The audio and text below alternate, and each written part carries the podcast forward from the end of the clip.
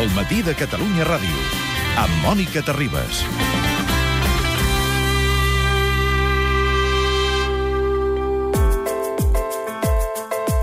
Avui és dimecres i connectem amb el professor Xavier Salamartín amb la Universitat de Colúmbia per fer-li un parell de consultes. La primera, doctor Salamartín, bon dia.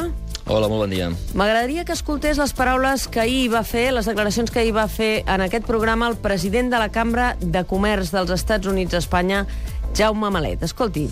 Una creixent i preocupant preocupació que podria portar a una deslocalització massiva de puestos de treball i d'inversió. I això no només és per al fet de que moltes d'aquestes empreses estan aquí per un mercat de 47 milions i no de 7 milions, sinó també per a una segura inestabilitat política i econòmica que es preveu d'aquí als pròxims anys. Aquesta és la valoració que feia sobre l'impacte del procés sobiranista de Catalunya en relació a les empreses nord-americanes que inverteixen i que estan fent negoci amb Catalunya en aquests moments. Quina opinió li mereix a Xavier Salamartín aquestes valoracions? Bueno, doncs com el, diguem, el senyor Jaime Malet té una visió molt pepera del món, és a dir, una visió que veu a Espanya com el centre de l'univers i que tothom està, diguem, al servei del enorme mercat espanyol de 47 milions. Eh, si, compara, si compares amb el mercat mundial, Espanya és, una, és una, un mercat enano eh, i, eh, diguem, no hi ha cap empresa nord-americana que vingui a Catalunya per servir al mercat espanyol. Eh, les empreses nord-americanes venen a Catalunya i van a Irlanda, i van a Finlàndia, i van a Suècia per servir un mercat de 400 milions o 450 milions de persones, que és el mercat europeu. I, feet. I la, la, la, diguem, les raons que tindrien les empreses nord-americanes per fugir de Catalunya eh, per anar-se'n a un altre lloc són les mateixes que tindrien eh, les empreses nord-americanes de fugir de, de, de Finlàndia o de Suècia o d'Irlanda.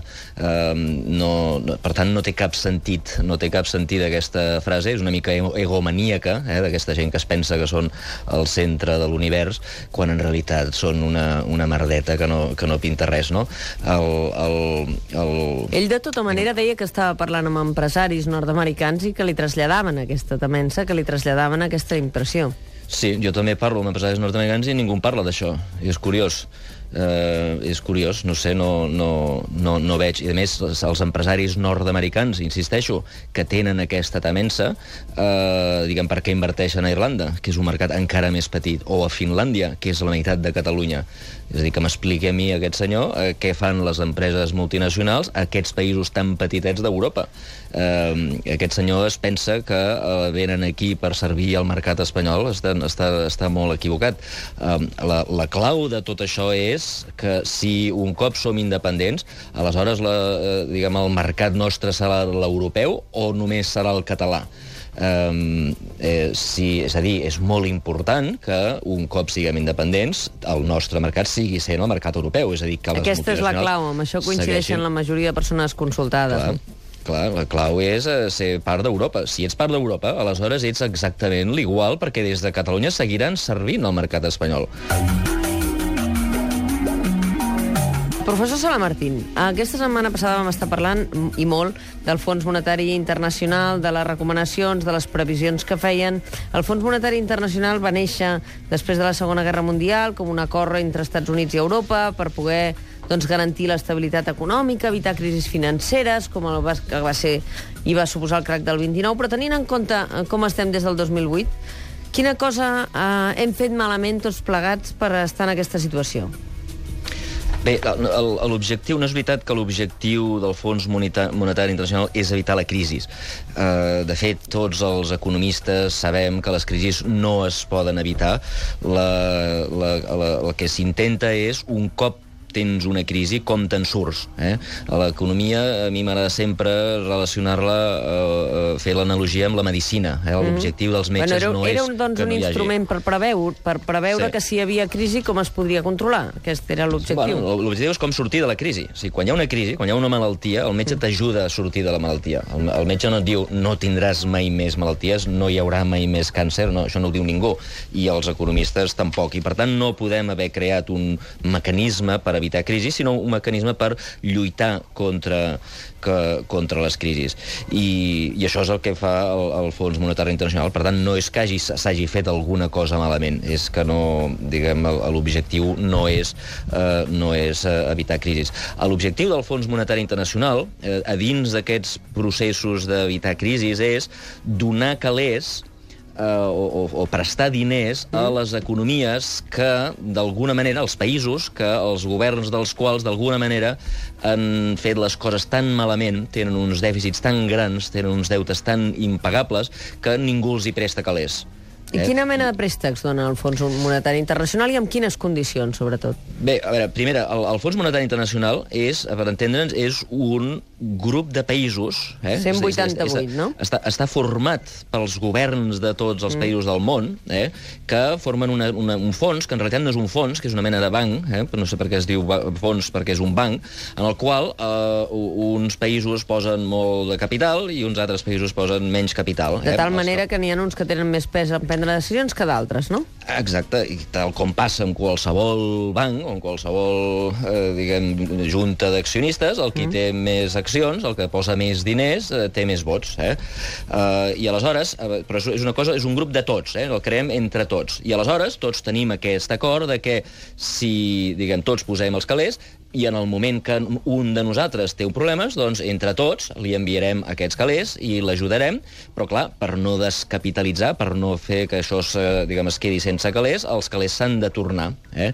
Aleshores, un banc normal, a l'hora de, diguem, garantir que tu tornaràs als calés, doncs el que fa és doncs, eh, posar, signar un contracte eh, segons el qual, si tu no tornes als calés, doncs ells es queden alguna cosa teva. No? Sí. Per exemple, la teva casa o una màquina de la teva empresa. No? Hi ha una, una cosa que és la garantia. Vale? Mm. En un país això no pot ser. No, no li pots donar el, el coto de Doñana al Fons Monetari Miri, Internacional. quedis aquest parc natural. No. Exacte, això no pot ser. I aleshores eh, les condicions que es posen és, bueno, jo et presto calés, però tu has de fer Aquesta aquesta, sèrie de sí. polítiques. Eh, com que el teu problema és A, B, C, D, E, doncs um, has de fer eh, A, B, C, D, E, has de solucionar A, B, C, D, i, si, i llavors jo vindré cada tres mesos i miraré que realment estàs fent això, perquè si no, no em tornaràs els calés, els calés que són de tots els altres països. Sí. Eh? Aquesta- no són aquest- d'uns això és el que- capitalistes malignes, sinó que són de tots, són els contribuents dels altres països del món, eh? que, i, incloent nosaltres, que nosaltres també hem posat calés en, aquest, en aquesta mena de banc. Per tant, quan a la gent li expliquem que venen uns senyors que popularment els coneixem com a homes de negre, són persones que venen a controlar que s'estiguin complint aquestes reformes que garantirien que algun dia puguem tornar als calés quan els hàgim de tornar perquè s'han fet les reformes estructurals que ells demanaven, no? Reformes estructurals i reformes fiscals. O sigui, Mhm. un dels problemes... pri- Primer, això els, els, els homes de negre és una, una ale- alegoria que va Sí. fer el, el Montoro, eh, diguem, a la pel·lícula Men in Black, Sí. eh, però és que és una mala alegoria perquè, primera, no són homes, eh, o sigui, no són homes i dones, segona, no van vestits de negre, i tercera, no estan aquí per caçar, diguem, extraterrestres. Especialment, Si no- si- si no especialment trista la amb comparació amb un moment que Christine Lagarde està al capdavant del Fons Monetari Ah, ah, exactament. Internacional i Janet Yellen ara està al capdavant de la Reserva Federal i tots són dones. Exacte. O sigui, no, no... Però segona, diguem, no només fan reformes estructurals, sí. sinó que fan reformes també fiscals. I, així, i per això, d'aquí ve la impopularitat. Perquè, eh, insisteixo, el problema normal que venen a solucionar o venen a ajudar a solucionar aquesta gent Sí. és el problema de que el govern té un dèficit massa gran. Dèficit vol dir que gastes més del que ingresses. Eh? El govern d'Espanya gasta més del que ingressa, té un dèficit. En el, la diferència doncs, van als mercats internacionals eh? i li presten els mercats, eh? els, els, els, els inversors li presten calés a canvi d'uns interessos. Eh? Si, si, I això no, no, no passa res. Ara, el, hi ha vegades que els mercats no et volen prestar. Diuen, escolta, tu no ens en fiem ni un pèl, no et presto. I aleshores, clar, si tu no vols fer que els ingressos passin a ser iguals que les despeses, mm. si fessis això hauries de fer unes retallades brutalíssimes, eh? Uh, perquè, clar, mm, tenir dèficit zero vol dir que només pots gastar el que ingresses, i per mm. tant has de retallar tota, tota la despesa fins a tenir-la igual als ingressos. Per no tenir aquesta brutalitat, vas al fons monetari, però clar, ells et diuen uh, sí, bueno, jo et deixo calés, però clar, mm, jo no t'obligo a demanar, no et demano que facis la retallada brutal d'anar cap a zero, però sí que has de fer retallades. I clar, com que el Fons Monetari sempre recomana retallades i pujades d'impostos Sí. per garantir que el dèficit es tanca i, per tant, que puguis tornar als calés, doncs són altament impopulars. Eh? Aquesta gent són altament impopulars perquè se'ls acusa d'haver causat les retallades. Um, en realitat, dies- però, fixa't que, és, que el que permet, el fons monetari permet que no retallis tant. Eh? No, no és que t'obliguin a fer retallades, o sí que t'obliguen a fer retallades, però ells t'haurien de fer unes retallades molt menor de les que hauries de fer si ells no hi fossin. Eh? Si un país no va al Fons Monetari Internacional, tranquils, ningú l'obligarà eh, Senzillament no simplement no podràs sortirà- gastar. no se'n podràs sortirà. gastar. Ah. per tant, les retallades seran molt més grans eh, si, si, si no hi ha fons monetari.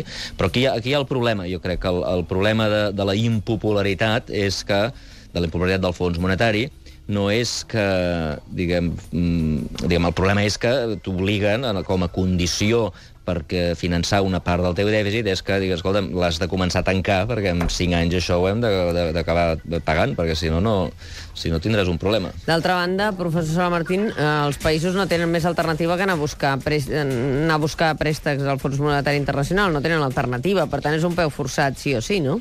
No, no, tenen, quan se li caben totes les d'ells tenen mils alternatives. El problema és que quan ja han esgotat diguéssim. totes, Sí. quan, quan han esgotat totes les alternatives, els hi queda el fons. Entens? És l'últim és l'últim recurs. Ells ja han intentat anar al banc, el banc els ha dit que no, han, anat, Sí. han intentat en els, en els seus amics, no? els de la Unió Europea, els seus col·legues, eh, amics col·legues, diuen, els aquests diuen que no, van a Xina i els diuen, escolta, financeu una mica, els diuen que no, i llavors l'últim recurs és el Fons Monetari, que és la societat de tots els països del món, insisteixo, eh? no són uns, uns capitalistes malignes, són els diners públics de tots els altres Són 188 països. països, no? dels quals en aquests moments, diguem, el pes la, per quotes de votació, els Estats Units en tenen més que, que, que cap, no? Mm. Un 16,75% de quota té els Estats Units i el segon al darrere és uh, Alemanya? Japó. Japó. Japó. Japó i Xina. Japó, Alemanya, França. Sí, a veure, Japó, el, Alemanya i el, el, però a veure, compte una cosa, també, insisteixo, el, aquí s'ha d'anar en compte, això és com una mena de banc, en el, com, com qualsevol societat, qui més eh, diners aporta, qui més accions té, més vots té. Eh? Això mm. passa a tot arreu, a tots els bancs, i en aquest banc, encara que es digui fons, eh, també passa. Però, fins i tot, aquest banc és... Mm, els vots són menys que proporcionals en els diners. És a dir, en un banc normal tu tens 17% de les accions, tens 17% dels vots.